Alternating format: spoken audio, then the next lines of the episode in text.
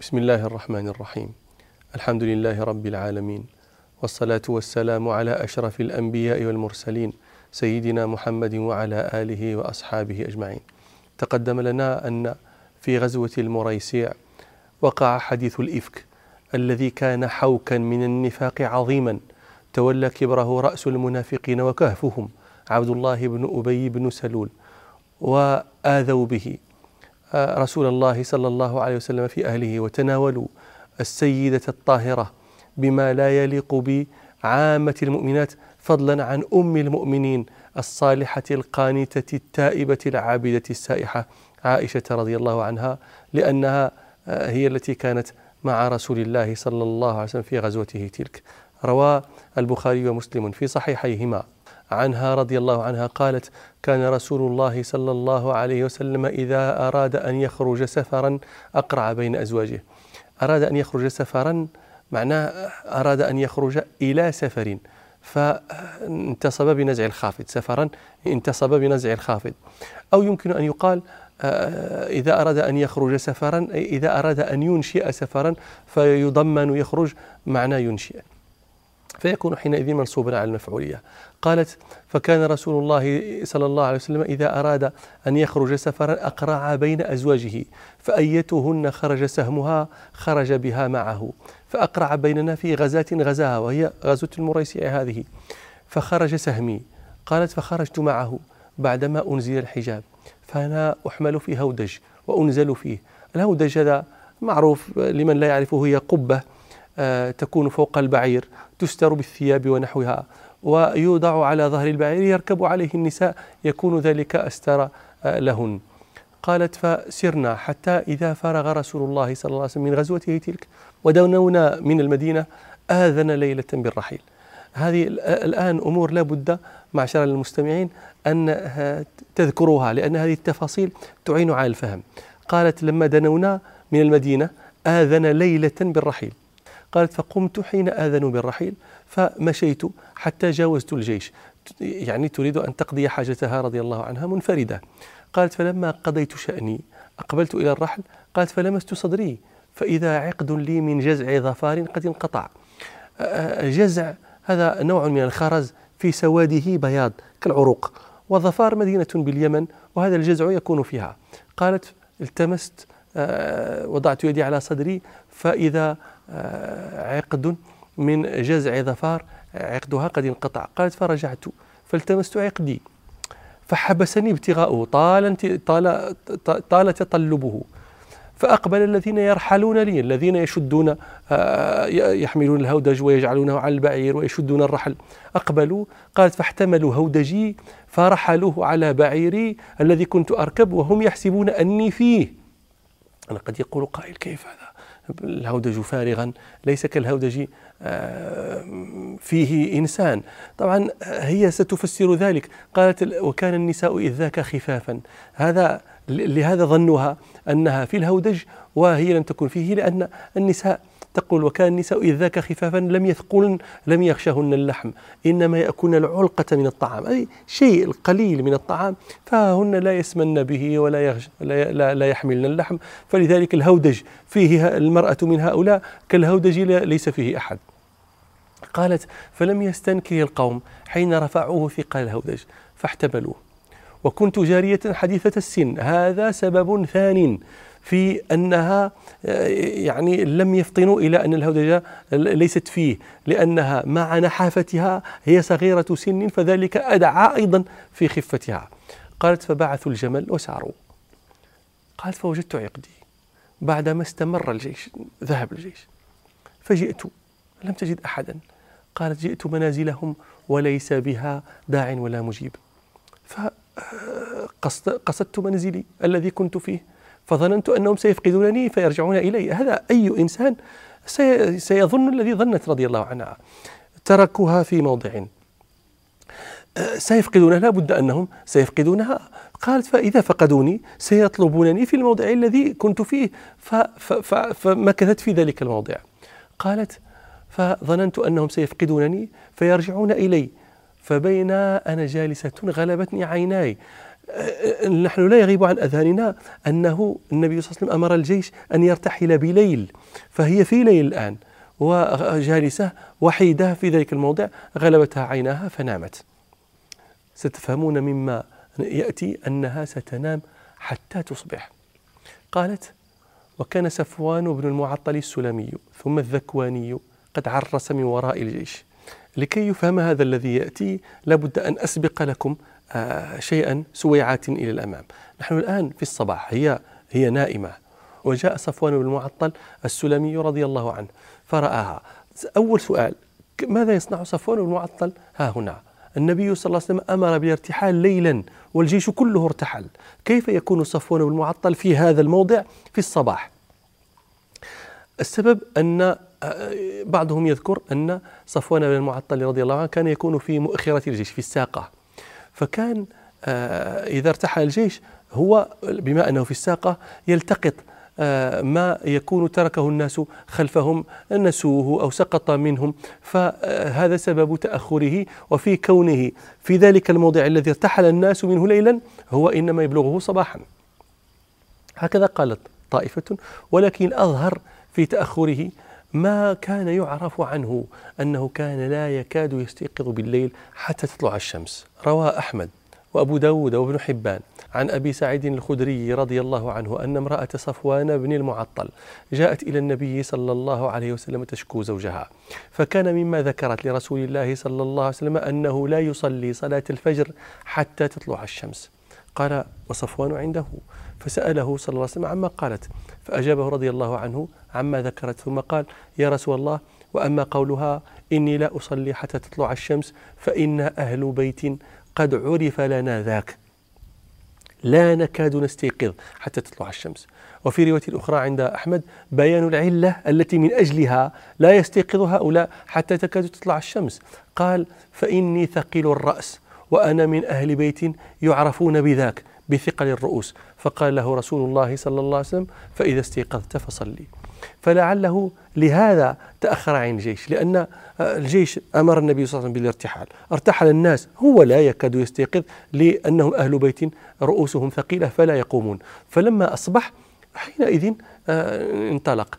فلذلك آه، آه، رأى عائشة رضي الله عنها. قالت عائشة نرجع الآن إلى الحديث. قالت هي وكان صفوان بن معطل السلمي ثم الذكواني قد عرس من وراء الجيش فأصبح عند منزلي. هو عندها الآن؟ وقد أصبح. فرأى سواد إنسان نائم. السواد يطلق على الشخص أي شخص كان. كان قد تقول رأى آدميا شخصا لا, لا يظهر أهو رجل أو هو امرأة. قالت فأتاني وكان يراني قبل الحجاب. فلما عرفني استرجع. قالت فاستيقظت باسترجاعه حين أنا رآها. لا إنا لله وإنا إليه راجعون. استيقظت هي بسماع صوته. قالت فخمرت وجهي بجلبابي ووالله ما تكلمنا بكلمة ولا سمعت منه كلمة غير استرجاعه. وهوى أسرع حتى أناخ راحلته فوطئ على آه، يدها يعني لتبرك فركبتها. فانطلق يقود بي الراحلة حتى أتينا الجيش بعدما نزلوا معرسين في نحر الظاهرة. قالت فهناك هلك في شأن من هلك. يعني أشارت إلى الذين تكلموا بالإفك وخاضوا فيه فأثموا آه فأثموا في شأنها. قالت وكان الذي تولى كبر الإفك. تولى كبره أي تصدى له وقاله وكبره عبد الله بن أبي بن سلول. قالت فقدمنا المدينة فاشتكيت شهرا. هي الآن لا خبر عندها. بما يخوض الناس فيه. قالت فقدمنا المدينة فاشتكيت شهرا مرضت قالت وكان يريبني أني لا أرى من رسول الله صلى الله عليه وسلم اللطف الذي كنت أرى فيه حين أشتكي حين أمرض. إنما كان يدخل فيسلم ويقول كيف تيكم؟ قالت لا أشعر بشيء من ذلك حتى نقهت. الناقه هو الذي قام من مرضه. ولم يرجع إليه كمال صحته رجعت إليه بعض عافيته لا كلها. قالت فخرجت أنا وأم مصطح قبل المناصع. المناصع هذا جمع منصع وهي أماكن معروفة آه، في المدينة في ناحية البقيع. قالت فخرجنا قبل المناصع وهو متبرزنا. موضع التبرز كناية عن قضاء الحاجة. قالت لا نخرج إلا ليلا إلى ليل. وذلك قبل أن نتخذ الكنف قريبا من بيوتنا. كانت يعني لم تكن الكنف قريبا من البيوت فضلا عن أن تكون في البيوت. الكنف طبعا جمع كنيف هو المكان المتخذ لقضاء الحاجة. قالت أمرنا أمر العربي الأول في التبرز قبل الغائط يعني الغائط المكان البعيد المطمئن من الأرض يستترون فيه ويقضون حاجتهم فلم يتخذوا الكنف آه، قريبة من بيوتهم. قالت فكنا نتأذى بالكنف أن نتخذها عند بيوتنا. فأقبلت أنا وأم مصطح بنت أبي رهم نمشي. فعثرت في مرطها. آه، المرط الكساء آه، يكون من آه، كتان ويكون من خز ويكون من صوف من أي شيء كان يسمى مرطا. قالت فعثرت في مرطها فقالت تعس مصطح. مصطح ابنها. مصطح بن أثاثة المطلبي. كان هو وأمه من فقراء المهاجرين ومات أبوه وهو صغير. وكفله أبو بكر رضي الله عنه لقرابة أمه بأم مصطح فإن أم أبي بكر خالة أم مصطح. قالت عائشة فأقبلت أنا وأم مصطح. نمشي. فعثرت في مرطها فقالت تعس مصطح. فقلت لها بئس ما قلت. أتسبين رجلا شهد بدرا؟ فقالت والله ما أسبه إلا فيك. فقلت وفي أي شأني؟ ما علاقتي أنا بمصطح تسبينه لأجلي. فقالت في أي شأني فقالت أم مصطح يا هنتاه أما بلغك ما ما يقولون. يا هنتاه من أهل اللغة من يقول يا هنتاه معناه يا هذه. ومنهم من يقول معناها يا بلهاء كأنها نسبتها إلى قلة المعرفة بمكايد الناس وما يحاك لها. قالت يا هنتا أما بلغك ما, ما يقولون؟ فذكرت لها حديث الإفك. عائشة رضي الله عنها كانت نقهت. قالت فزدت مرضا إلى مرضي. فلما رجعت إلى البيت حينئذ اتضح لها كل شيء. رجع دخل رسول الله صلى الله عليه وسلم كيف تيكم قالت فأتيته فاستأذنته أن هل قالت أتأذن لي أن آتي أبوي.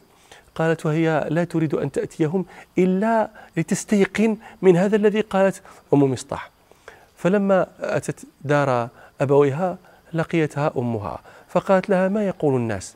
فقالت لها يا بنيه هوني عليك شأنك.